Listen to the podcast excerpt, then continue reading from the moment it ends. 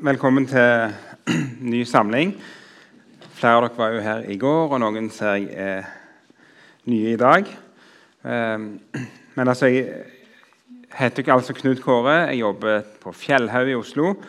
Bor på Fjellhaug og har vært der i mange mange år. Jeg har vært 15 år som lærer, og det er 20 år siden jeg begynte som student. Så jeg har en lang eh, fartstid på Fjellhaug og trives veldig godt med, med det.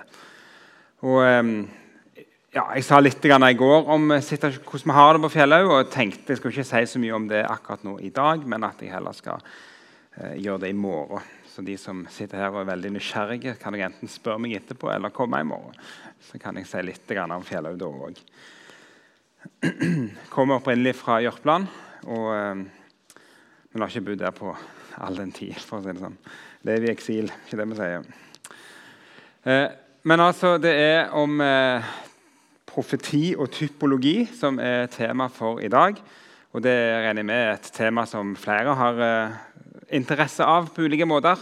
Eh, og det er jo en av de mest spennende sammenhengene mellom Det gamle og Det nye testamentet, syns jeg sjøl. Eh, det som går på disse tingene som handler både om forbilder, men òg om direkte utsagn i Det gamle testamentet, som vi har sett oppfylt i det nye. Og Noen ting ser vi kanskje òg oppfylt i vår egen tid. og Det er jo ekstra interessant å reflektere rundt hvordan vi tenker om alt det. Eh, og eh, det er altså da, eh, Vi var jo så vidt innom i går allerede at eh, dette med skriftbevis en, var en vanlig strategi hos apostlene når de skulle fortelle Jesus-fortellingen i sin forkynnelse og sine skrifter. Og Det er jo det vi skal se på i dag òg, disse skriftbevisene. Men vi skal altså se på dem eh, i form av disse to stikkordene typologi og profeti. Og så skal jeg si litt mer om de tingene etter hvert. For å prøve å gi en liten sånn distinksjon så prøver jeg meg med å si at eh, en profeti den er i sitt vesen framoverskuende. Eh, det betyr at ting er sagt i Det gamle testamentet, og adressen for det som sies, er framtida på ulike måter. Det betyr ikke at profetene i Det gamle testamentet først og fremst snakket om framtida. Det du oppdager når du leser der, er at de vel så ofte henvendte seg til nåtida. Eh, men så kommer stadig vekk likevel framtidsutsagn som en del av det profetene forkynte til israelsfolket i Det gamle testamentet. Men da er det altså det er fremadretta i sin natur. Og når du kommer til Det nye testamentet, så oppdager en det at eh, at eh, apostlene gjenkjenner at dette ble sagt, og jammen meg vel, nå har vi sett det skje, gå i oppfyllelse. Eh, og jeg tenkte Et ord som er veldig spennende å lufte fram i den anledning, er dette ordet fra 1. Peters brev, kapittel 1, som er et av de ordene som jeg stadig funderer litt på. eh, Mest fordi jeg lurer på hvordan det kan ha sett ut når de gjorde det som det står om her. Men Peter han skriver altså til, til, mm, sine avsendere om denne frelsen som vi har fått i Jesus. Og så sier han om den frelsen at det, denne frelsen var det profetene søkte etter og ville utforske da de profeterte om den nåden dere skulle få. Og så står det, De prøvde å finne ut hvilken tid Kristi ånd som var i dem, pekte fram mot, og hvordan den tiden ville bli. For Ånden vitnet om Kristi lidelser og den herlighet som siden skulle komme. Og Det ble åpenbart for dem at det ikke var seg selv, men dere de tjente med sitt budskap. Og Dette budskapet har dere nå fått høre av dem som forkynte evangeliet for dere ved Den hellige ånd, som er sendt fra himmelen. Og Dette er noe som selv engler lengter etter å se inn i. Og Det som jeg stadig vekk har fundert litt på, er hvordan har det sett ut når Jesaja har fått et budskap fra Gud som han har framført, og hva har han tenkt på etterpå? Det har jeg ofte lurt på. Hva liksom eh, så han for seg? Hvor, hvor mye forsto han av det han sa når han eh, skrev Jesaja 53? Eh, hva, hva, tanker gikk gjennom hodet hans når han vendte tilbake til det avsnittet og, og, og grunna på det han hadde skrevet og fått det fra Gud? Eh, vi får vite at eh, her av Peter at profetene forsto at det var et eller annet spesielt de snakket om. Eh, og at de faktisk brukte energi på å grunne på det. Men det, jeg synes det verset her vitner om at eh, profetien er fremadskuende i sitt vesen. Sant? Eh, de forsto at de snakket om framtida, Og de brukte energi og tankekraft på å prøve å forstå hva de faktisk hadde fått se. Så profetien er, tenker jeg derfor, er liksom en pil framover. Den er fremadskuende. Og så kjenner apostlene og evangelistene igjen at denne profetien er nå gått i oppfyllelse. Mens typologi er noe annet. Eh, typologi definerer vi vanligvis som begivenheter, personer og institusjoner i Det gamle testamentet som på ulike måter blir forstått som forbilder på Jesus. Det er den enkle definisjonen av en typologi. Altså noe som er forbilder. Hendelser, personer eh, og ordninger som peker framover på Jesus. Eh, de er ikke profetier, for de er primært ting som skjedde i Det gamle testamentet, i historien. Men de blir altså forstått som forbilder i oppfyllelsens lys. Men det er ikke så sannsynlig at eh, For å ta det eksempelet jeg har lista opp på sliden min her, fra, fra 1. Korinterbrev 10. Det er jo Paulus som skriver der om eh, denne kryssingen av Sivsjøen, når Israel gikk under havet. Eh, og, og, eh, den klippen som de fikk vann ifra, så skriver han om at disse hendelsene er eksempler, typ, typer, forbilder. Det står advarende eksempler i oversettelsen. Eh, det ordet 'advarende' er lagt til, men de er eksempler, forbilder, for oss. Sånn at vi skal lære å ikke ha lyst til det onde. står det her. Men poenget er at det er hendelser som skjedde i GT, og som ble skrevet ned av GTs forfattere, som Paulus sier, disse tingene her, de skjedde som forbilder for oss. Og da tenker jeg som så at eh, disse her som gikk gjennom Sivsjøen, gikk neppe og tenkte at eh, nå etablerer vi et forbilde for den kristne dåp. Det tror jeg ikke de gjorde. De tenkte jippi, vi blir frelst fra farao. De, de tenkte ikke på det. Men når Paulus, som kjente den kristne dåp, skrev sitt brev, så forsto han ja, jammen meg vel, denne begivenheten som skjedde med Israelsfolket, den, den er et forbilde på den kristne dåp. På det å bli frelst fra faraos hær og få lov å begynne vandringen mot det lovede land. Eh, så Det er en vesensforskjell. Sant? Profetien er i sitt vesen fremadskuende og gjenkjennes oppfylt i NT. Mens typologien er ikke i sitt vesen fremadskuende, men det er NTs forfattere som ser bakover og forstår hendelser i lys av det nye som har skjedd i Jesus. Så Det er en sånn en forsøk på en slags skjelning mellom de to.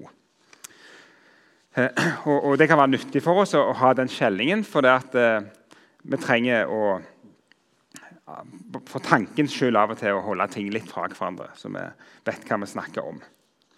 Men utgangspunktet for å tenke typologisk, for å tenke sånn forbildeoppfyllelse, ligger jo i det faktum at vi tror at Gud er den samme, og vi tror at eh, Gud avsatte sine fotavtrykk i historien.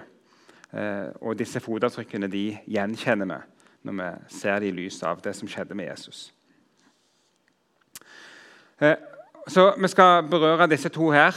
Først profeti, og så håper jeg at jeg får tid fram til pausen til å gå gjennom det som jeg har tenkt å si om profeti, og så typologi etter pausen. Så vet dere sånn omtrent hva vi skal gjøre i fortsettelsen. Og Da blir det en del teksteksempler. Jeg regner med at denne illustrasjonen er en som flere av dere på ulike tidspunkter i livet har møtt. En forsøk på å forklare noe av profetiens vesen, profetenes forkynnelsesvesen. Eh, at eh, det profetene ser, er måte, fjelltopper i Guds frelsesplan. Men at det ofte kan være dalføre imellom disse fjelltoppene. Eh, med andre ord, det kan være ting som eh, oppfylles på ulike tidspunkt i historien, i frelseshistorien. Eh, og ikke minst at, eh, og det vet alle som har gått i fjellet, sant, at du, du, eh, To fjelltopper som ligger langt fra hverandre, kan av og til se ut som den samme. ikke sant? Og, og litt sånn funker det òg her. Det er ting som blir sagt av en profet, og så, og så var kanskje det noe som de der og da tenkte først at ja, nå gikk det i oppfyllelse. Men så viser frelseshistorien at det gjerne ble oppfylt en gang til. og Kanskje til og med at noen profetier skal oppfylles enda en gang. Eh, og, og, og, Det gjør at vi opererer med sånn profetfjell, sånne fjelltopper. Og, og det tenker Jeg jeg har det som mitt utgangspunkt når jeg reflekterer rundt profetier. Denne tanken om at eh, profetiene som er talt ved profetene, ofte kan ha flere lag. Og at det kan være lurt å ha den tanken i hodet, eh, fordi det åpner opp rommet litt mer for at eh, dette kan, kan, bli oppfylt på litt ulike måter i, gjennom Guds historie. Og Det som en som regel oppdager når en leser profetiene, er at de aller fleste profetiene har en eller annen oppfyllelse i Det gamle testamentet sjøl.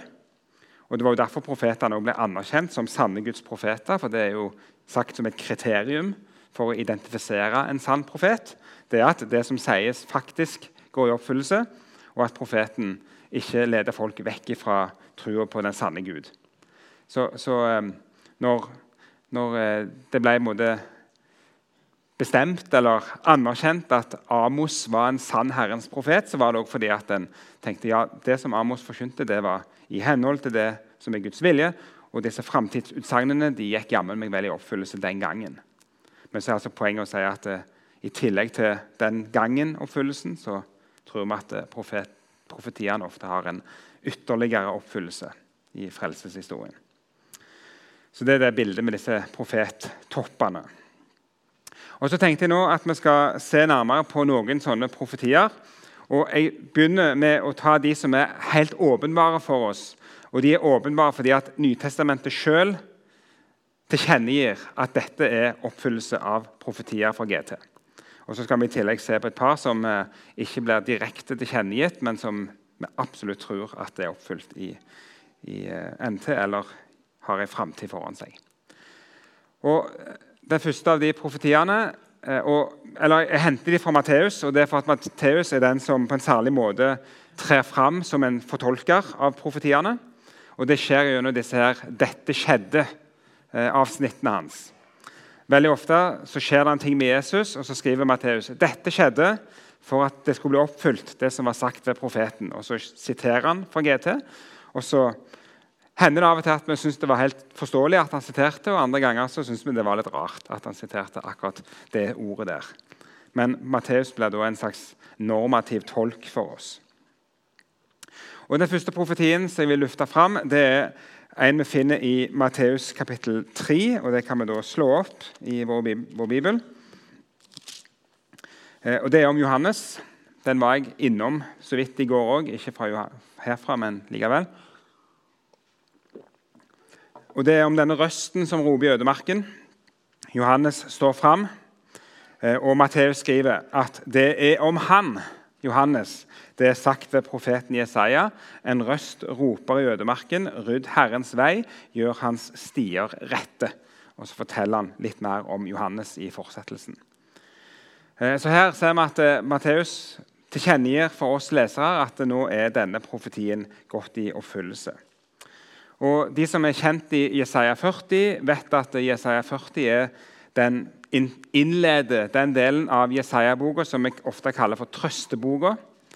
Eh, den delen av Jesaja-boka som på en særlig måte er talt til et folk i fangenskap, et folk i eksil i Babel, med et trøstens budskap om at eh, nå skal Herren føre dem hjem til Israel, til hjemlandet deres. Og Så blir det da i den forbindelse talt om en, en eh, en røst som roper at nå er tida kommet, nå skal veien ryddes, nå skal folket vende hjem, for Herren har, Herrens plan er, eller Herrens tid er nå kommet for at dette skal skje. Og så vet vi jo fra historien at det skjedde. Israelsfolket fikk vitterlig vende hjem. Eh, I 539 før Kristus så sendte kong Kyros av Persia sitt kjente brev ut til sitt rike og proklamerte at folkeslaget i hans rike skal få vende hjem. Og De som ikke tror på det, kan reise til British Museum i London og finne monteren der Kyros-brevet står. Og Så har vi fått gjengitt i vår bibel en variant av det brevet som er da retta mot jødene. Og så forteller at de òg skal få lov å vende hjem til sitt land. Og Det leser vi bl.a. i slutten av Estras bok, nei, begynnelsen av Estras bok og i slutten av krønikebøkene denne befalingen fra Kyros. Og Det skjedde, akkurat som Jesaja hadde profetert. De fikk vende hjem. Men så er det som er så spennende, at det, det var den første fjelltoppen. Og det var den fjelltoppen som, som eh, de som kanskje sa ja, Jesaja var en sann profet. Dette skjedde. Eh, de så den fjelltoppen.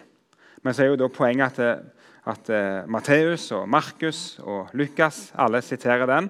De ser jo en annen topp. De ser at dette er òg en profeti som er talt om døyveren Johannes. Han som er forløperen for den sanne hjemkomst, kan vi gjerne si. Der det skal komme en ny frelsestid som er enda større enn den gamle frelsestida.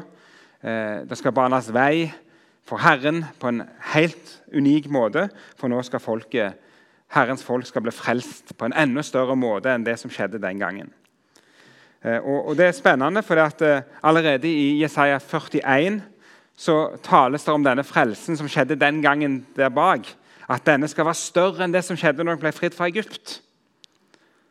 Men så er poenget at Matteus viser oss ja, det er noe enda større enn frelsen fra Egypt. Det er en enda større hjemkomst til, eller ankomst og, og en enda større inngripen fra Gud til frelse for sitt folk. Så Det er et sånn eksempel på to fjelltopper. Sant? En som går i oppfyllelse noen hundre år etter at Jesaja levde, og en som går i oppfyllelse eh, når Jesus eh, kommer, og, og, Johannes går i for, forveien for Jesus. Så Det var et første eksempel på, på en sånn fjelltopp. Jeg skal bare passe på at jeg har den òg. Den neste fjelltoppen som jeg vil eh, lufte fram, er ifra, fra Matteus, kapittel 1, i forbindelse med Jesu fødsel. Og Det er jo et kjent vers og et kjent sitat som har vært omdiskutert i forbindelse med 2011-bibelen, når den kom. Det er altså eh, profetien fra Jesaja 7 om denne her unge kvinnen som skulle bli med barn og føde en sønn. Men som eh, Matteus eh, skriver jomfru, fordi at det sto i den greske varianten av, eh, av GT. Og Det er jo en spennende eh, ting å se på det òg. Men det som var den konkrete situasjonen på 600-tallet før Kristus, det var at eh, Israel, var, eller Judariket, hadde problemer. De hadde en ugudelig konge som heter Akas.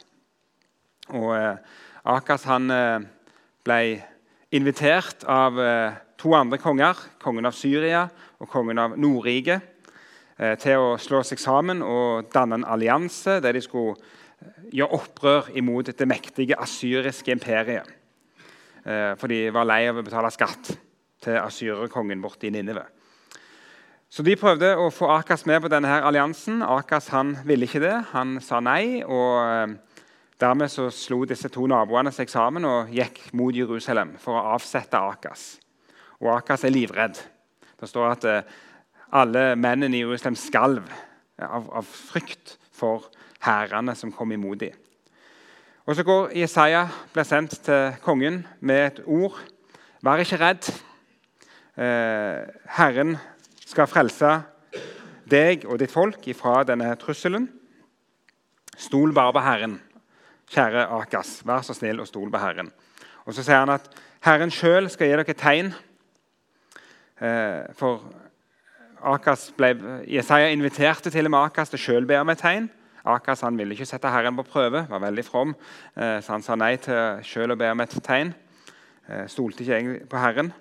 Men så sier da Jesaja at du skal få et tegn, Akas. En ung jente skal få en unge. Og før den ungen er gammel nok til å forkaste det onde og eh, velge det gode, så skal rikene til disse her fiendene dine ligge i grus. Og Så får vi aldri vite i GT hvem den ungen var. Men det vi vet er at eh, ti år etter at Jesaja uttalte den profetien, så lå begge de to rikene i grus. Så det var helt åpenbart at det som Jesaja sa til Akas, det skjedde den gangen. Begge de to fiendene både Nordriket lekte i grus i 722, ti år etterpå, og eh, Syria eh, litt før det. Så det gikk definitivt i oppfyllelse i GT.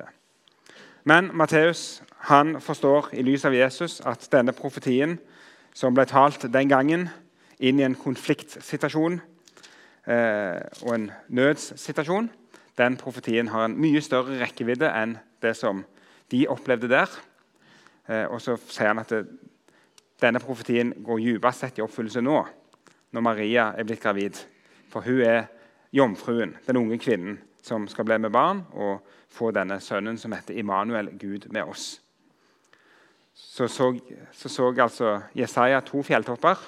Han så én fjelltopp der og da, som gikk i oppfyllelse. Og så så han enda en fjelltopp som var så uendelig mye større, eh, og som Matteus kunne fortolke for, på Jesaja sine vegne. Og Så kan vi bare spekulere. Hva tenkte Jesaja sjøl? Trodde han at eh, denne profetien kun handla om situasjonen der og da, eller tenkte han større? Det vet vi ingenting om. Men helt åpenbart så, så forteller Matteus oss i alle fall at eh, Gud hadde en større intensjon ved denne profetien enn det som umiddelbart var synlig for de som hørte det første gangen.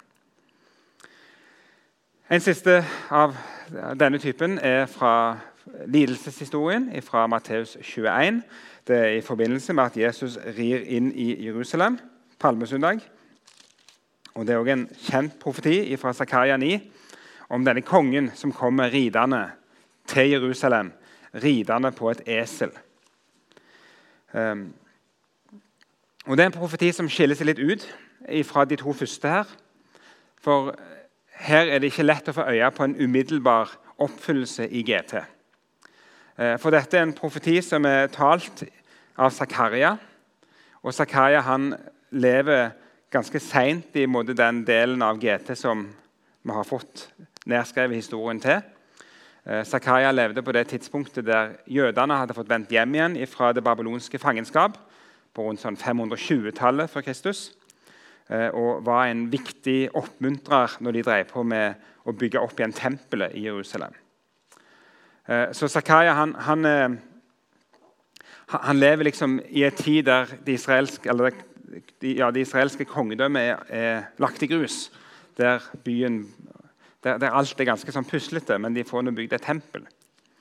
Men det som er spennende er at Zakaria likevel profeterer at det skal komme en konge til Jerusalem. En ny davidskonge. Eh, men det skjer jo aldri i, i eh, den følgende historien. Det er noen opprørsledere et par ganger som, eh, som i noen grad kunne fortjent den tittelen, men de ble aldri konger. Så det er en profeti som aldri har en oppfyllelse i Det gamle testamentet og i historien før Jesus. Så her er det mer at Zakaria får se veldig entydig glimtet av frelseren som skal komme. Så Det gjør at denne profetien er bare den Jesus-fjelltoppen. Det er ingen fjelltopp tilsynelatende i historien før Jesus kommer. Men det er en profeti om at det skal komme en konge, og på palmesøndag så gjenkjenner, eh, gjenkjennes dette. At jo, nå kommer han, ridende på et esel. Og så roper de og, og, Mengden roper jo. Sant? De som går i lag med Jesus, kanskje til og med en del folk i Jerusalem, roper altså 'Hosianna, Davids sønn'. Og det er jo et kongerop. Så det er helt åpenbart at her, her forstår alle at nå, nå kommer han som konge. Nå skjer det ting her som er sagt forut. Så det var tre eh, sånne profetier som, eh, som, jeg, som nevnt får en veldig tydelig fortolkning i Det nye testamentet. Eh, og som sies direkte nå, nå skjer det. Men så tenkte jeg å ta med en til som ikke er på den måten. Og det er fra Jesaja 11. Eh, den, eh, men, men han er helt åpenbart altså det, det, går ikke an å lese han og kjenne Jesus og lese Jesaja 11 uten å se at det handler om Jesus. Det vil jeg nesten påstå at det er bra gjort hvis en ikke klarer å se at det er en forbindelse mellom de. Og, men Jesaja 11 er likevel litt spesiell, så vi skal stoppe litt opp ved det kapitlet. Og Det er altså en, igjen en profeti om en framtidig frelse. Og Første del av Jesaja 11 fram til vers 10 det er altså en profeti om, om denne kongen som skal komme. Og Det tales altså om en kvist som skal skyte opp fra Isais stubb. Et skudd som skal spire fra røttene til Isai. Eh, og så står det om at Herrens ånd skal hvile over ham, og han skal komme eh, både med dom og rettferdighet, men òg med en voldsom eh, fred og en voldsom harmoni, der vi leser fra, om, om, ku og bjørn som skal beite sammen, og om unger, spedbarn som skal leke ved slangens hule. Det er noen voldsomme bilder av, eh, av en sånn en fullstendig fredstid. Og Det står til og med i vers 10 at eh, Isais rotskudd skal være et banner for folkeslagene. Eh, og folkeslagene skal søke han. Og Det er ikke så veldig lett å lese det uten å tenke på Jesus. Han som er av Isais ett, han som hadde Den hellige ånd hvilende over seg etter sin dåp. Eh, han som kommer med rettferdighet, eh, og som òg innstifter fred med Gud. Eh, og som er et banner for folkeslagene. Det er vanskelig å ikke tro at Jesaja her virkelig ser en Jesus-fjelltopp. Men, men, dette er en profeti som ikke blir direkte, direkte på den måten anerkjent, sånn som vi så de andre ble. Men det er én mulighet, eh, og den, så nå skal jeg ta deg en liten sånn en språklig, eh, liten sånn språklig moro med dere. Så dere får belage dere på det. Eh, litt gøy må vi ha det òg i, i, språkenes verden her. det er en veldig rar tekst helt til slutt i Matteus 2 i forbindelse med at, at Josef og Maria har vært i Egypt og flytter hjem igjen til Israel og slår seg ned i Nasaret. Så står det der at Matteus sier at slik 2.23 eh, slik skulle det ordet oppfylles som er talt gjennom profetene, at han skulle kalles en nasareer. står det bare der. Og så er det ingen sitater fra GT. Det står bare at han skal kalles en nasareer. Og så er det talt ved profetene. Så Det vitner også om at det kan godt være at han tenker på flere ting. Men den språklige, litt moro, gøyale tingen er at byen Nasaret på hebraisk heter, eh, har en ordrod som heter netzer, natsar. Eh, og det er det samme ordet som er brukt eh, her når det tales om et skudd som skal spire fram. Da er det en natsar som skal vokse opp. Eller netzer som skal vokse opp. Og det, sånn, i, i, og det ser vi i den rabbinske fortolkningstradisjonen. at sånne ordspill, sånne ordlikheter, det er noe som ofte luftes fram for å sette tekster i sammen og si at det, eh, her er det et ord, og det ordet gjenfinner vi her. og Dermed er de to forbundet på et vis. Og Det er jo en sånn tolkningsteknikk som eh, ja, Det er ikke alltid vi skal herme etter den, langt ifra. Men eh, det er likevel en spennende teknikk som, som kanskje Matteus har brukt.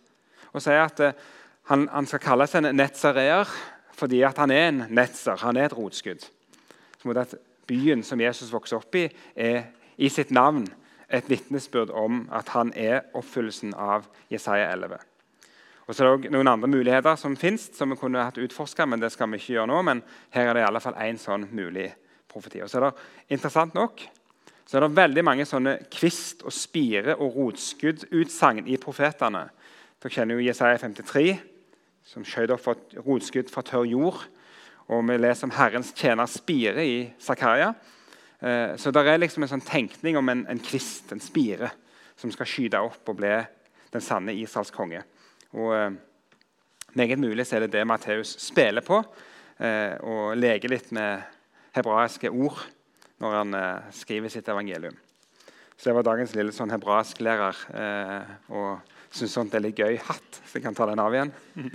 Men det er litt spennende å se sånne ting, for det, det er i henhold til teknikker som var vanlige eh, i den fortolkningstradisjonen som Matteus levde i. Eh, og Det gjør at dette kommuniserte nok med hans første lesere. For de var fortrolige med at eh, det var lov å gjøre sånne grep. Og så har nok med ja, eh, Det er jo helt åpenbart at sånne grep kan bli for kreative. Men eh, sånn var det nå her. Det var den første delen av Jesaja 11. Altså En profeti som eh, åpenbart synes å være oppfylt i Jesus. Men så er det en fortsettelse i Jesaja 11 som er også veldig spennende. For Der tales det om frelsestid fremdeles. At på den dag så skal Herren for andre gang rekke hånda ut for å kjøpe fri resten av folket sitt. Og Så skal han samle sitt folk, alle som er blitt fordrevne til alle de fire verdenshjørner. Eh, og så skal han eh, gir de land. De, de skal få eh, slå seg ned i landet, og de skal få, skal få overvunnet ytre fiender. Eh, og de skal få erfare at det er en vei som banes hjem til deres hjemland. Og det er en profeti som eh, definitivt kan knyttes til Israels hjemkomst fra Babel. Eh, på samme vis som Jesaja 40. Men det som er litt ekstra spennende her, er jo at dette er en profeti da, som er talt i forlengelsen av en profeti om frelserkongen og hans fredsrike. Så tales det òg i den forbindelse om en samling av Israel. Og Det gjør jo at det, det er ikke helt urimelig tenker jeg, å åpne opp døra for at her er det en, en ting som en fjelltopp til. på en måte. Og Kanskje det er nettopp det vi har sett i vår egen tid. At eh, ja, det er mange mange tusen år etter Frelseren kom, men så har også Israel på nytt blitt samla. Eh, og kanskje er nettopp denne profetien en sånn profeti. Eh, og, Det viser at det er, også muligheter for å se for seg noen fjelltopper eh, som kanskje til og med går i oppfyllelse i vår tid. Og så kjenner vi til at Dette er et tema som, er, som, som fort kan bli omdiskutert, og en kan undre seg på hvor hvor mye og hvor lite av disse her frelsesprofetiene i GT som skal forstås i lys av et nasjonalstat i Israel i dag. Eh, men likevel så er det noen sånne hint som eh, jeg tenker at en i alle fall skal være villig til å åpne døra for at det eh, kanskje er noe som òg har skjedd i vår tid. Men så er, så er, det ikke alltid like lett. Jeg kan ta fram en annen profeti, eh, Amos 9, eh, som òg som, som, viser oss litt av denne frelsestidsprofetiene i GT, og som ikke alltid er så enkle å vite. Hvor, hvor skal vi plassere dem hen? Eh, for i Amos 9 så er det en, en profeti om ei, om ei frelsestid. Jeg kan begynne i vers 11 der i Amos 9. Eh, hvor det tales om at Davids falne hytte skal en, den dag i framtida bli reist, gjenreist. Og eh, Revnene skal bli murt igjen. Det som ligger i grus, skal gjenreises av Herren. Eh, og så står det at de skal ta resten av Edom i eie, står det òg i, i, vers 12. Eh, altså nabolandet. De skal både erobre, ekspandere og, og, bo i landet. Og gjenreise Davids falne hytte. Altså En profeti om en framtid der Israelsfolket på nytt skal være i landet og, og, og, ha det godt. Men det som er spesielt med den profetien, er jo at det er den Jakob siterer i apostelgjerningene 15. Og Da taler han utelukkende om Jesus og sier at nå har det skjedd. Nå er Davids falne hytte gjenreist. Nå er det opprettet et, et rike, og det er et rike som er for alle folkeslag. Og Så brukes det for å begrunne hvorfor, eh, hvorfor det er nå tid for å gå til hedningene med evangeliet. Eh, så Da ser vi at denne profetien åndeliggjøres av Jakob og blir bare forstått i lys av Jesus. Og, og Israel som nasjonalstat forsvinner liksom ut av bildet i, i Jakobs eh, fortolkning av, av, Amos 9 i den forbindelse. Så, så, Det viser at det er en sånn, en, en sånn dobbelthet. Eh, og i, i, møte med liksom en, en, et sånn profetiunivers så tenker jeg at den dobbeltheten må vi på en eller annen måte ha med oss. at eh, På ene sida har vi profetier som er vanskelig å, å forstå at eh, ikke på en eller annen måte er relevant for vår tid. Og så har vi samtidig lignende profetier som av Nytestamentets eh, ledere og apostler og forkynnere sjøl blir fortolka og åndeliggjort. Og, på en måte frikobla fra en sånn historisk eh, rike og nasjon for Israel. Så er det i den spenningen som, som, eh, som vi ser utfolde seg på en måte i kristenheten, sant, der du har ytterpunktene på ene sida de som ikke vil anerkjenne at noe som helst av det som har skjedd de siste 100 årene, har en forbindelse med GT. Og de som eh, er veldig skeptiske til all eh, forsøk på å si at det er en åndelig oppfyllelse i, i Jesus og hans fredsrike på en måte i, i dette. her. Og så er det en slags en bue her og et spekter, og mye krangling langs det spekteret. Det må vi jo bare anerkjenne. Og Sjøl så, så, plasserer jeg meg Jeg er litt sånn en middelveiens mann. Prøver å være, gjerne for å unngå konflikt. Men, men jeg føler meg også tvungen av tekstene til å si at ja, jeg skjønner hvorfor vi av og til har et behov for å åndeliggjøre ting. For det blir gjort av Jakob for eksempel, og av andre. Og så har jeg av og til, Men jeg kan ikke forstå noe annet enn at det vi har sett for våre egne øyne, på en eller annen måte må henge sammen med det som er sagt. Og så ønsker jeg å beholde en slags åpning for det, uten at jeg ønsker å gå inn i for avanserte modeller og systemer for hvordan jeg plasserer ting. Eh, og, og jeg tenker, Det å tenke sånne fjelltopper det er gjerne en, en, en hjelp til å beholde litt av den åpenheten. Og Jeg kan bare nevne det, for her har jeg bare tatt med en sånn det er en plansje som ble ut, utvikla på slutten av 1800-tallet. Eh, det var en tid hvor det særlig borte i USA vokste fram en voldsom sånn interesse for dette profetiske. Eh, og, og veldig mange eh, begynte å identifisere haugevis av sånne fjelltopper og lagde ganske avanserte systemer. Det har i relativt liten grad berørt norsk kristenhet, selv om du finner litt, litt av, av, dette. her, men, men, det har vært veldig sterkt i USA og har dermed likevel påvirket oss indirekte. Eh, og jeg tenker i dette, Det å tenke veldig mange sånne hauger altså Det er i midten der. Det er kirkas tid, og så er det veldig mange sånne endetidsstadier i denne her systemet. her. Og så var det veldig viktig for disse her å i, Den setningen og den profetien hører hjemme på den fjelltoppen, og den hører hjemme på den fjelltoppen. Og så lagde de et veldig sånn sinnrikt system eh, som for, Skal jeg være kritisk, så går det an å si at det var kun gjerne den enkelte fortolker som så systemet. Eh, men så er det likevel av og til noe i mye av dette. her. Det er ting som, som kan passe på ulike begivenheter. Eh, og, så, og, så, blir det en, en sånn svær debatt rundt dette. da. Så, så, vi trenger liksom på en eller annen måte å, å, å ha en åpning for at det, det er fjelltopper her. Og det er fjelltopper som vi ikke gjerne vet før lenge etterpå at det var der òg. Eh, og, og beholde som sagt, den åpningen. Det, det vil være min sånn grunninnstilling. Og Den er delvis basert på at jeg har sett på begge sider av dette spekteret skivebom.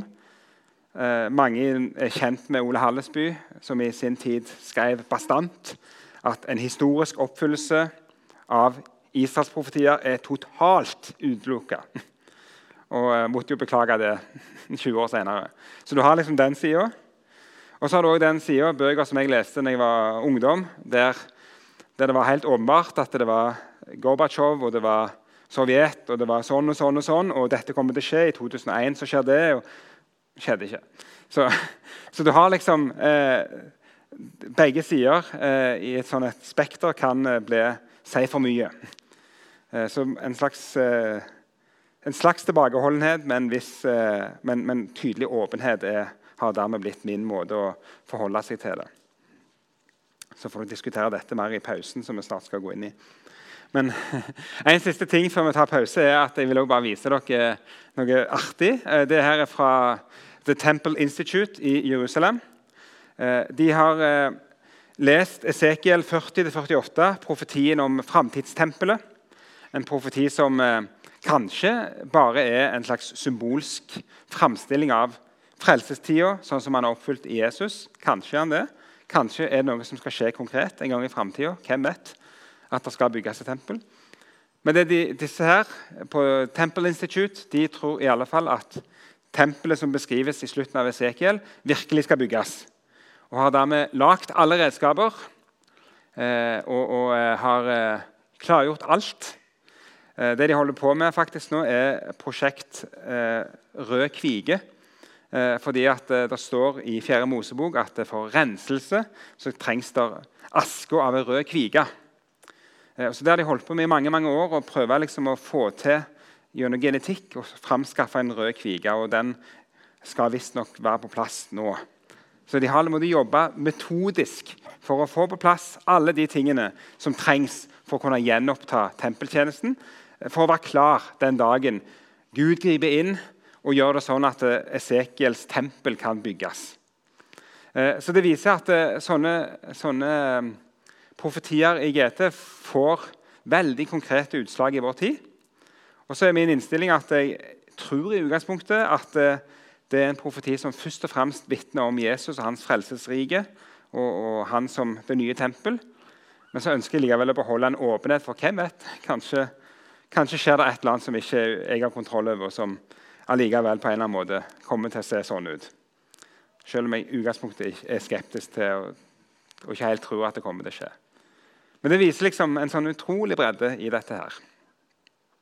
Så da har jeg så fredfullt som jeg bare kan prøvd å legge fram et minefelt for dere på det som går på profetier, og særlig det som handler om inn i vår tid. Eh, og eh, det jeg ønsker å la stå igjen, er en, en sånn forsiktig åpenhet for at eh, det er flere fjelltopper enn vi tror.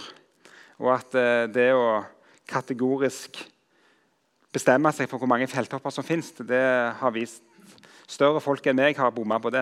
det er liksom min sånn grunninnstilling på det. Men, men, det er et veldig spennende tema, og det er utrolig mye av det. Masse profetier, sant? masse ting. Eh, og hver enkelt kan en gå inn og se på på ulike måter.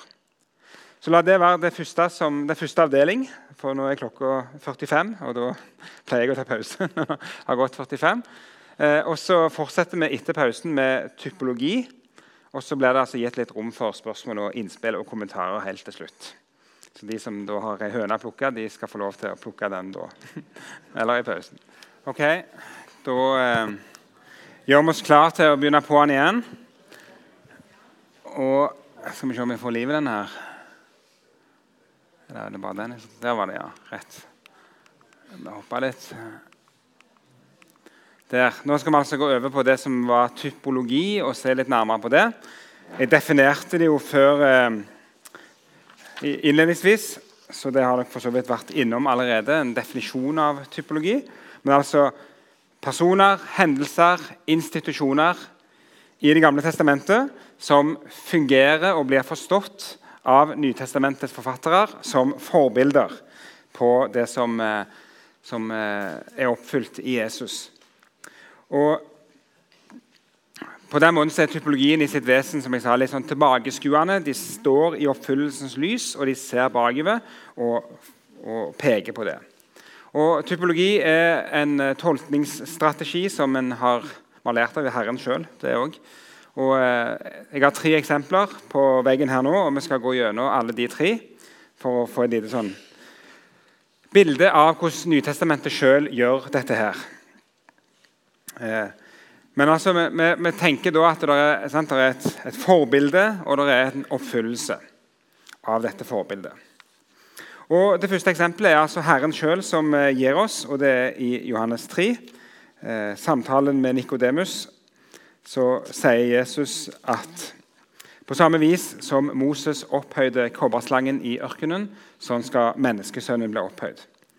Og Når jeg snakker om den, så må jeg alltid vise altertavle, holdt jeg på å si, bildet på Jørpeland bedehus. Jeg er vokst opp med, med, det bildet der på bedehuset. Og eh, Der har du altså i forgrunnen Johannes døperen som står og peker på Jesus som Guds lam. Og så har du da i, for, i bakgrunnen Moses som står og peker på kobberslangen. Eh, så jeg var ikke veldig gammel før jeg forsto at her var det et eller annet spennende som hang sammen. Eh, men eh, dette er altså Jesus sjøl som, som, viser oss, og, og, viser at på samme vis som det som skjedde den gangen, det er et, et forbilde på det som, det som, Jesus bringer. Og Jeg syns det er en, en, spennende forbilde, for det gir en åpning for å dukke litt mer inn i teologien rundt det òg. Én eh, ting er dette med at treet var et uttrykk for forbannelsen. Her er det en, Folket er under forbannelse i i 4. Eh, Mosebok 21 pga. sin knurring imot Gud. Eh, og så er det da kobberslangen som luftes opp på treet, og dermed blir eh, altså Forbannelsen blir på en måte retta mot kobberslangen. Og den som da ser på han som er stedfortreder, og blir fri fra, fra slangegifta sjøl. Og, og, på den måten så gjenkjenner vi jo noe av det mest sentrale i, i korsets kraft. At han ble forbann under forbannelse for vår skyld, eh, og et blikk på han, så er vi fri. I tillegg så er det også interessant å merke seg at eh, han, eh, slang, det var jo slanger som var problemet, og det var en slange som ble lufta opp. Og Du har romerbrevet som taler om Jesus som kom i syndig kjøds lignelse og fordømte synden i kjødet. Liksom, han måtte bli som det som skulle reddes, på en måte, eller det som skulle tas et oppgjør med synden i kjødet. Han måtte sjøl bli et menneske som, som ble, ble lufta opp. Sant? Så du kan, du kan, både si begivenheten i seg sjøl er forbilledlig, men du kan også gå inn bak og granske litt nøyere i detaljene rundt det. Så ser du at det er jammen meg en del spennende forbindelseslinjer òg der. Så jeg tenker jo at det er en, en, en, eh, en invitasjon til å fundere eh, mer over, over, dette. Det andre eksempelet som jeg har tatt med, er fra Hebreerbrevet 7. Eh, argumentasjonen der om Melkisedek, som eh, løftes fram som et forbilde på Jesus, og det er forankra i, eh, i eh, først og fremst første Mosebok 14, hvor Melkisedek introduseres for oss, men òg i Salme 110, som er en salme som, eh, som taler om et Melkisedeks presteskap som skal ligge der i framtida. Og De som kjenner historien, husker at Abraham han vendte tilbake igjen fra en, et tokt der han hadde redda sin nevø Lot fra eh, fiender som hadde vært og kidnappa Lot og hans folk. Eh, og Abraham, eh, når han vendte tilbake igjen, så kom altså han som var prestekonge i Jerusalem, i Salem. Melkisedek kom ut, eh, og Abraham bar fram tiende til Melkisedek og mottok brød og vin fra Melkisedeks hånd. Og, og, Det beskrives egentlig bare som en, ja, en interessant liten notis, en hendelse som skjedde i Abrahams liv. Eh, og så er det da at Dette blir forstått som et forbilde på noe større allerede i GT sjøl, i Salme 110, og så blir, blir, det forklart for oss i Hebreerbrevet. Og Da kan vi jo slå opp i Salme 110 bare for å ha den med oss.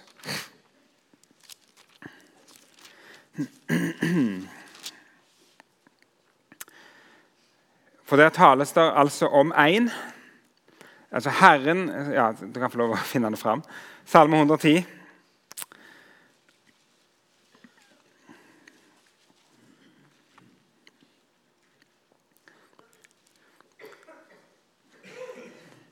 Herren sier til min herre, sett deg ved min høyre hånd til jeg får lagt dine fiender som skammel for dine føtter.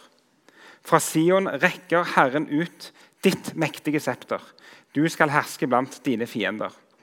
Folket ditt møter villig fram den dagen du viser din kraft. Din ungdoms dugg kommer til deg i hellig prakt fra morgenrødens fang. Herren har sverget og angrer det ikke. Du er prest til evig tid på Melkisedeks vis. Og så står det litt her. Men det, det er en spennende salme, og, Nytestamentet siterer den salmen flere ganger. Eh, og De gjør et poeng av at det er David som tales, det er David som har skrevet salmen, men David taler om 'min Herre' I vers 1. Herren sier til min Herre. Så Nytestamentets altså Apostlene, når de siterer salmen, så poengterer de det at dette handler ikke om David. For David snakker om en annen. Han snakker om en som er herre for seg. Og David er jo den store kongen. Så dette er en som er større enn David. dette handler om. Og Så sies det da til denne her, som da er en som får, får eh, kongedømme av Herren. Herren legger hans fiender under hans føtter. Septeret hans rekkes ut fra Jerusalem, fra Sion. Og så tales det da om at du er prest til evig tid på Melkisedeks vis. Så det, det, gjør at denne salmen allerede i GT, sin, eller Melkisedek allerede i GT blir langt på vei forstått som en, en skikkelse som vitner om noe større som ligger der framme. Om det å være prest på Melkisedeks vis. Og Melkisedek er en prestekonge i, i uh, eh, GT. Altså Han var både konge og prest i Jerusalem. Og var, han var en kanoneer, men han var prest for den høyeste Gud. står der.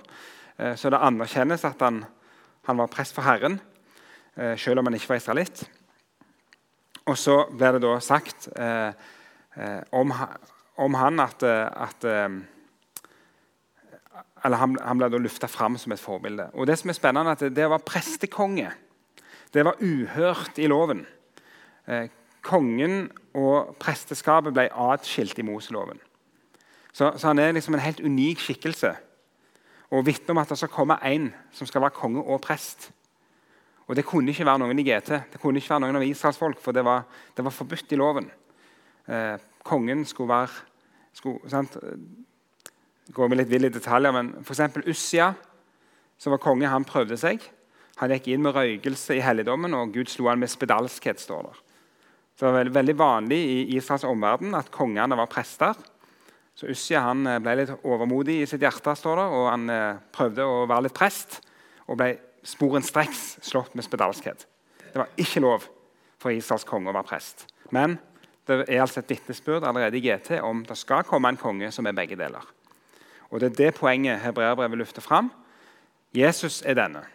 Han er den som er faktisk en Melkisedek-prest, som både er konge og prest. Og Så utlegges eh, historien om Melkisedek i Hebreabrevet 7. Og det blir gjort et poeng i flere detaljer i teksten. blir liksom utlagt og forklart og, og vist hvordan de på ulike måter oppfylles i, i Jesus. Eh, så, så her, her, er det en veldig sånn tydelig typologi til stede.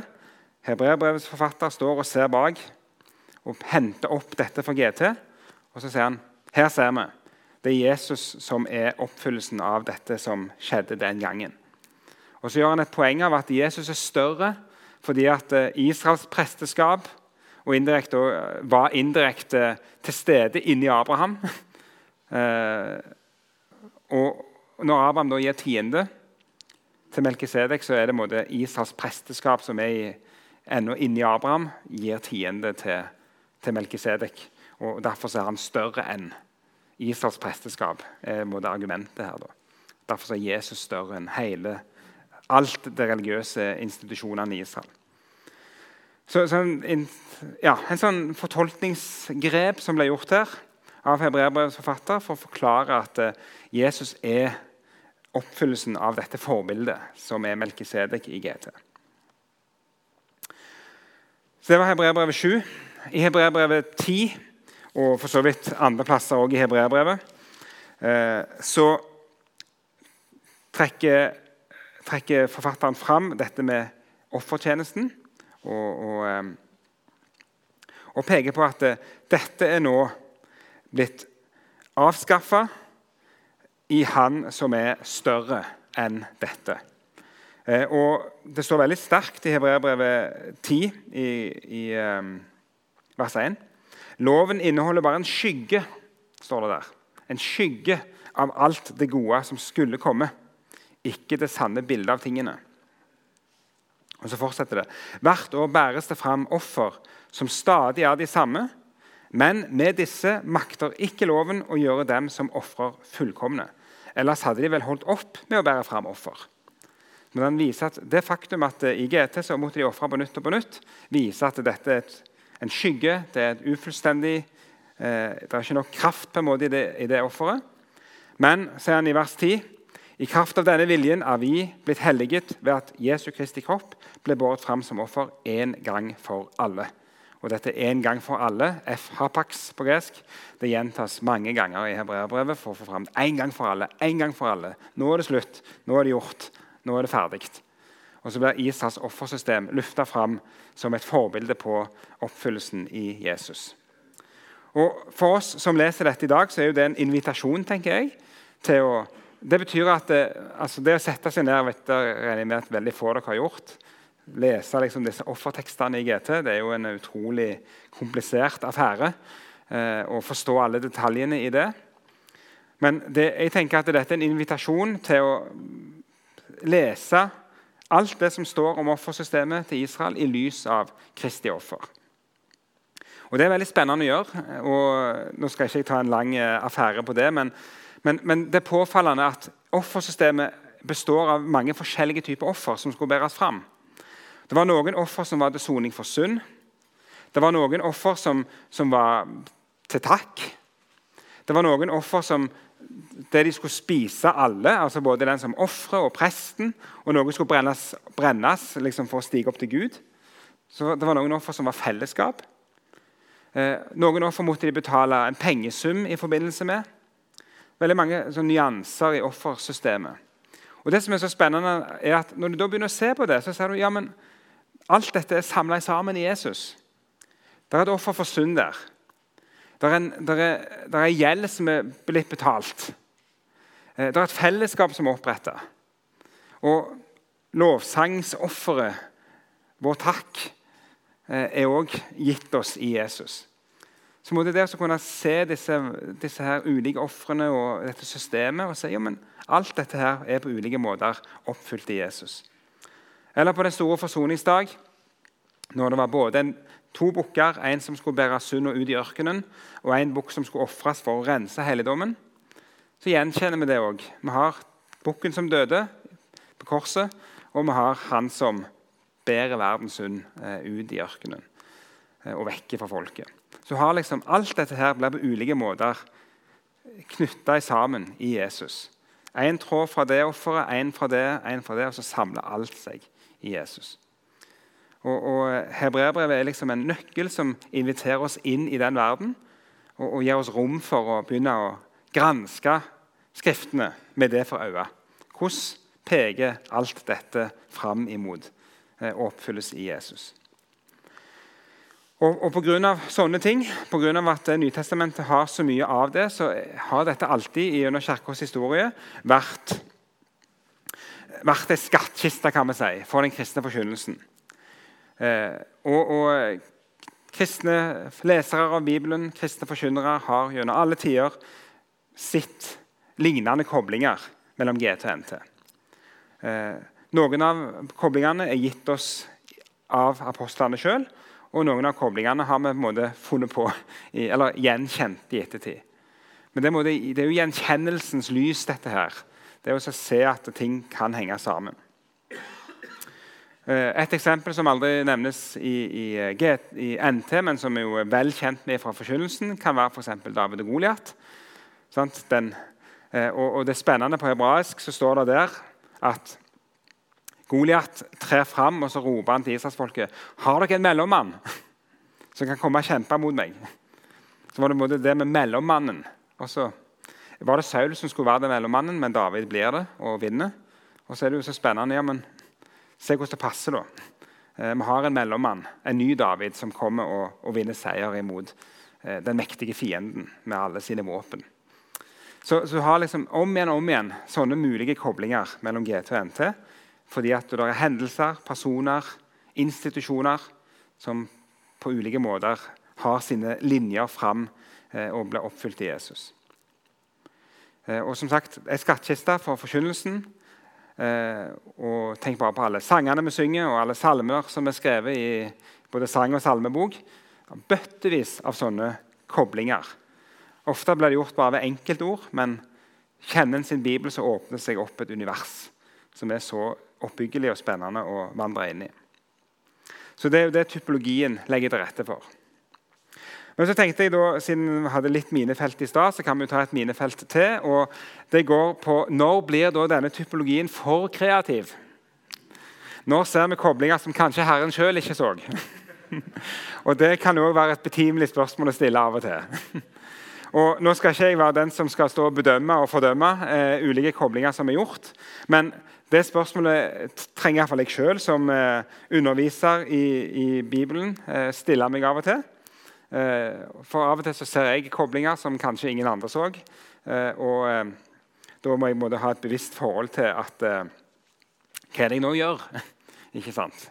er det jeg som har en unik åndelig innsikt som ingen andre har? Eller er jeg bare veldig kreativ? Ikke sant?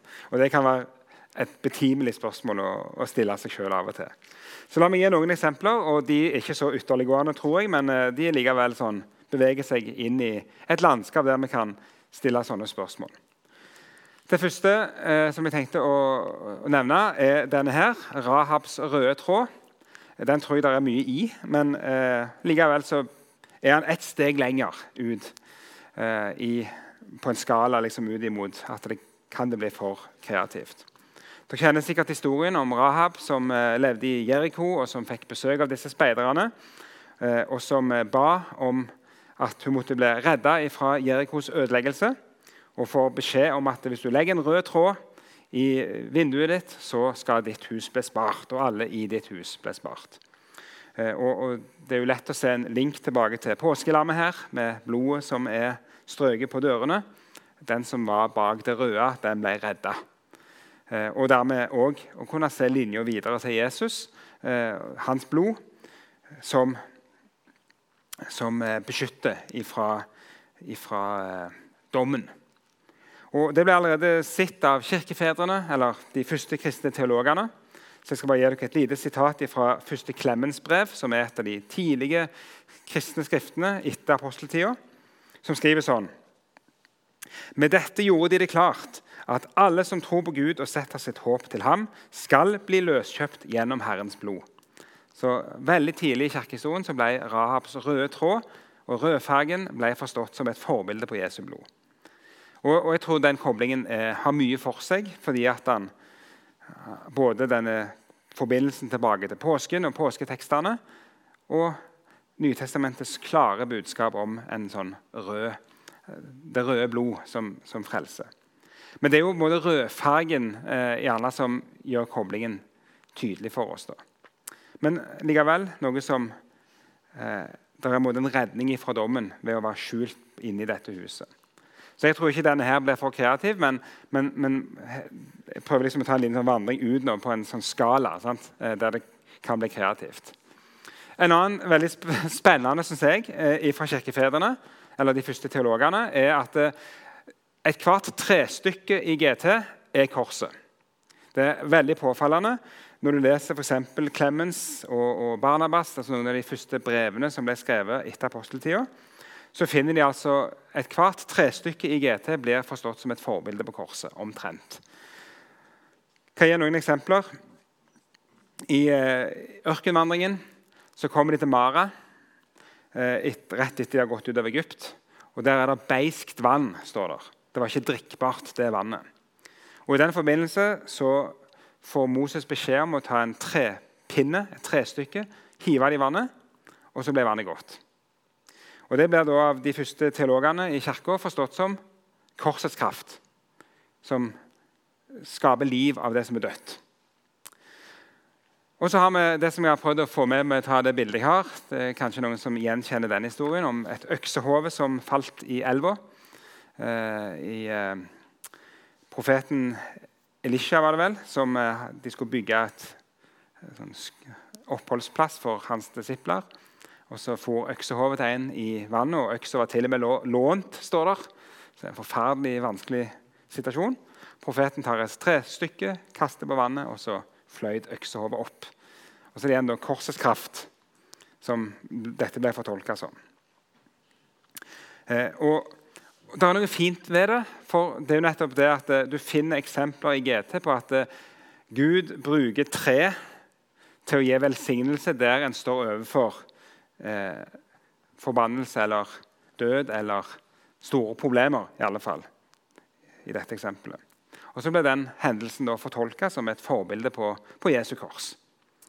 Eh, så Det er veldig utbredt i mye av den tidlige kristne litteraturen. Sånne korsforbilder. Eh, på denne måten her.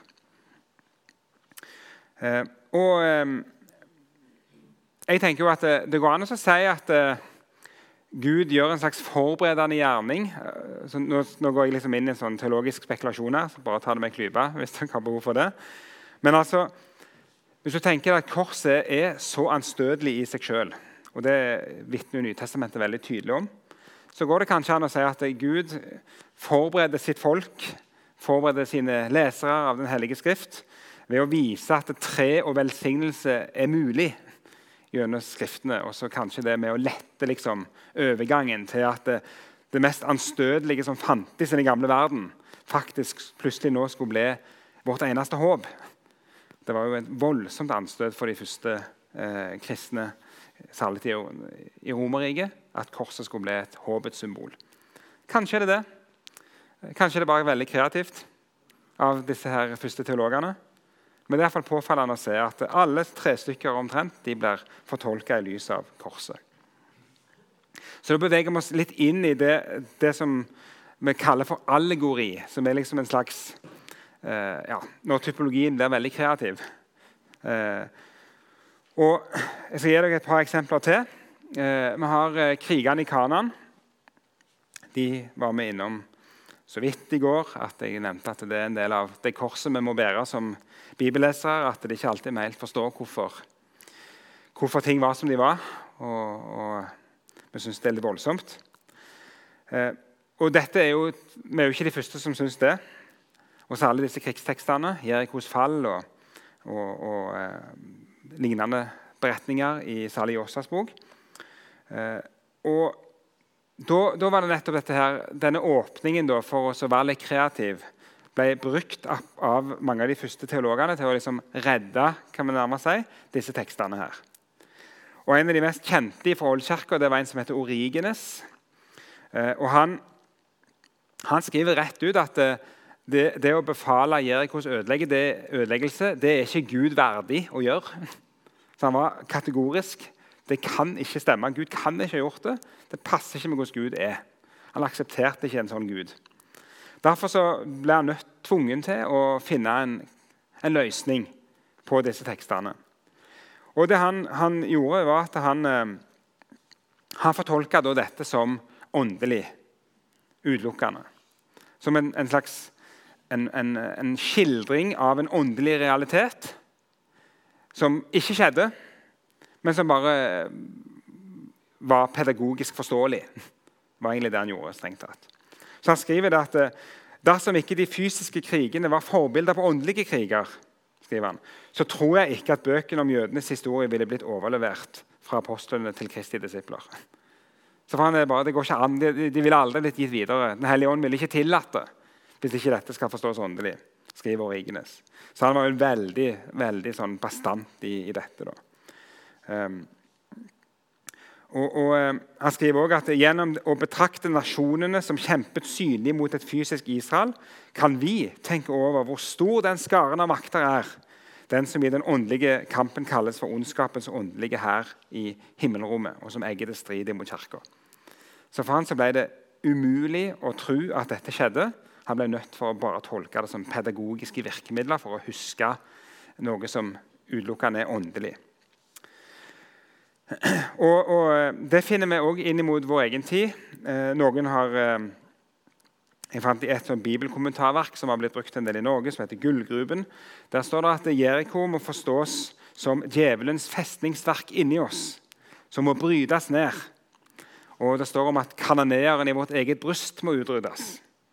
Og så blir det måten å unngå å forholde seg til at dette skjedde, eller dette, dette utgir seg for å ha skjedd i GT. Så Da må jeg kommet ut i et eh, landskap som begynner å bli litt sånn ja, men Hva skal vi tenke om dette? Eh, det, blir veldig, det blir kreativt. Altså, jeg tenker det er mulig å tolke det, denne krigføringen åndelig. Eh, det, det, mener jeg er mulig å gjøre. Men det som skjedde, særlig det som du ser hos Origenes, er at han, han gjør det jo for å benekte noe som helst historisitet. Eh, og, og da er liksom typologien beveger seg over i et felt som jeg synes er mer krevende å forholde seg til. Der jeg måtte bare avskrive at denne personen levde, eller at den tingen skjedde. For det, det syns jeg bare ikke noe om. Og så tolker en det utelukkende åndelig. Eh, der, jeg brukte i går dette bildet av at eh, på roser når du tar hånda opp og ned, så, så stikker du på tornene. Og jeg tror det er en del av Guds åpenbaring at det gjør litt vondt. Eh, og jeg tror ikke det er godt nok å, å redde seg bare med å åndeliggjøre tekstene. Så da har vi beveget oss ikke sant, fra Rahabs røde snor anerkjenner at hun ble virkelig redda fra en virkelig tragedie i Jeriko, til Origene, som sier at Jeriko skjedde overhodet ikke, for det er ikke Gud verdig at dette kunne skje. Vi må utelukkende tolke det åndelig. Da har du et spekter. og da, vi, da mener jeg at for kreativt spørsmålstegn begynner å nærme seg et ja-svar. Eh, for å si det på den måten. Eh, en siste eksempel som er litt eh, mer ufarlig, men som òg kanskje blir litt kreativt. Nei, det forsvant. Kommer ikke med. Skal vi se. Nei. Nei, vet du hva? Jeg, hadde, jeg gjorde en endring på en som jeg hadde på PC-en min. Men jeg skal lufte det fram for det òg. Det er en tekst i 1. Mosebok 12 om Abraham som slår seg ned i Israel. Og som jeg har hørt eh, veldig oppbyggelig eh, forkynt fra, men som jeg eh, er litt i tvil om var den beste fortolkningen allikevel. Og Det er 12,8 om Abraham som slår opp sitt telt mellom Betel i vest og Ei i øst. står det der. Han slår opp sitt telt mellom Betel og Ei. Og Da er det mulig å gå inn som noen har gjort, og åndeliggjøre den teksten. Og så sier det at navnet Betel det betyr Guds hus. Navnet Ai betyr ruinhaug. Og Så er det to tolkninger. da. ene er hva, hva, var livet ditt? Var det et Betel eller var det et Ai? Det er én måte å utlegge det på. En annen utleggelse er Guds hus er evangeliet, Ai er loven. Og Du må slå opp ditt telt i spenningsfeltet mellom loven og evangeliet og leve ditt liv mellom loven og evangeliets budskap. Eh, oppbyggelig, sant, ja. Teologisk korrekt etter den lutherske lære. Men det er en veldig veldig kreativ bibeltolkning, mon tro. Kanskje det er bedre å heller finne klare tekster i Nytestamentet som sier det samme. Så Da, liksom da er det ikke for å redde en, en brysom hendelse som Jerikos fall, men da blir det mer eh, Mon tro om ikke Herren sjøl syns dette var en fiks og finurlig forståelse av en tekst. Og, og Det er jo det spørsmålet en av og til trenger å stille seg. Og så er det historisk sett i de sammenhenger som jeg beveger meg i, i Misjonssambandet og bedehusbevegelsen, så, så, finner du mye av sånn Kall det litt kreativ tolkning. Og så finner du de som er veldig harde og bastante imot det, og så er det helt forferdelig å, å gjøre det. Eh, og noen har gjerne syns det fordi at de har selv opplevd at de går på møte, hører en fantastisk tale som gir dem så mye flott fra GT kommer hjem og skal lese teksten sjøl og finner ingenting av det som ble sagt i den teksten, og blir skuffa. Og da skjønner jeg at en er veldig eh, skeptisk mot en sånn åndeliggjøring eh, og, og, fortolkning av det. Og så er det samtidig sånn at eh, det, det, det, er igjen et sånt spekter, da, og vi trenger dømmekraft og, og være litt sunne i dette her. og, og, og eh, ja, Sjøl ønsker jeg å være litt åpen for at det kan ligge sånne forbilder i GT, men eh, prøver og det er et sånn råd som jeg gir når jeg underviser om forkynnelse på Fjellhaug, at eh, når, du, når, du, gjør sånne koblinger som det, så må du være veldig tydelig på å si at det, her ser jeg et forbilde, her ser jeg en mulig illustrasjon på den og den åndelige sannheten. For en sånn type 'dette betyr egentlig' eh, vil stå i fare for å gjøre forkynneren til en åndelig autoritet som har sett ting som ingen andre er i stand til å se. Uten at de har fått denne salvelsen. Og Det, og det, kan, bli, det kan, bli, problematisk. Eh, og, og, det kan, kan, gi deg en makt du ikke skulle hatt som forkynner. Så Jeg pleier alltid å komme med litt sånn tydelig formaning til disse unge spirene om, om det. For jeg syns det er litt viktig eh, at en har språket i orden når en, når en beveger seg ut i typologiens landskap. En kan være veldig trygg når Nytestamentet sjøl gjør det. Eh, og så skal en være varsom når en sjøl begynner å se koblinger. Eh, og så skal en likevel ikke sky det, tenker jeg, for det er både berigende for forkynnelsen, og det kan tas inn i sammenhenger som tross alt er mulig å identifisere. Eh, og så skal en samtidig da, ha denne vaktsomheten imot og overkreativitet. Det er problemet min. Eh, igjen litt sånn fredsommelig appell i dette her. Eh, for å avslutte det som går på typologi, eh, så tenkte jeg å sitere Calvin for en gangs skyld. Vi siterer mye Luther, men Calvin sa noen lure ting han også av og til.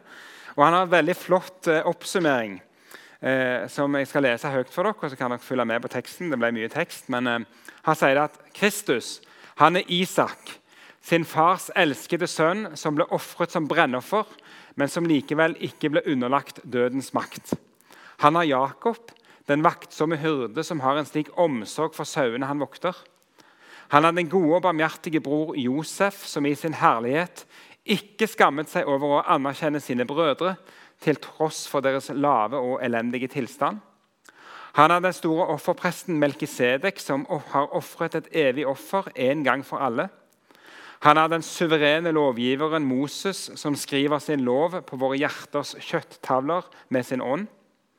Han er den trofaste hærfører og veiviser Josva, som leder oss til det lovede land. Han er den seierrike og ærefulle kong David, som ved sin hånd underlegger seg alle motstandere og opprørere. Han er den strålende og triumferende kong Salomo, som regjerer sitt kongedømme med fred og velstand. Og han er den sterke og mektige Samson, som ved sin død beseiret alle sine fiender. Det krever en del bibelkunnskap å forstå alle koblingene. Men en flott måte å vise at Jesus det er forbilder på Jesus i et så rikt galleri av skikkelser og personer i Skriftene. Eh, og, og det, det, er en invitasjon som sagt, til å virkelig verdsette mye av det som står i GT, på en enda, høyere, enda større måte enn bare at det er spennende rent historisk sett. Men det er òg ting som peker fram og, og liksom blir større og flottere og lysere og bedre i Jesus. Så det var det jeg ville si om typologi og, og, og, og den måten å lese og forstå GT på, som, som er en veldig spennende måte å, å, jobbe på. Og Nå er klokka 35, eh, så nå har jeg eh, spart noen minutter. Så det er mulig å stille spørsmål eller komme med innspill, kommentarer. Og så tar vi det derfra hvis det er noen som vil, vil kommentere noe.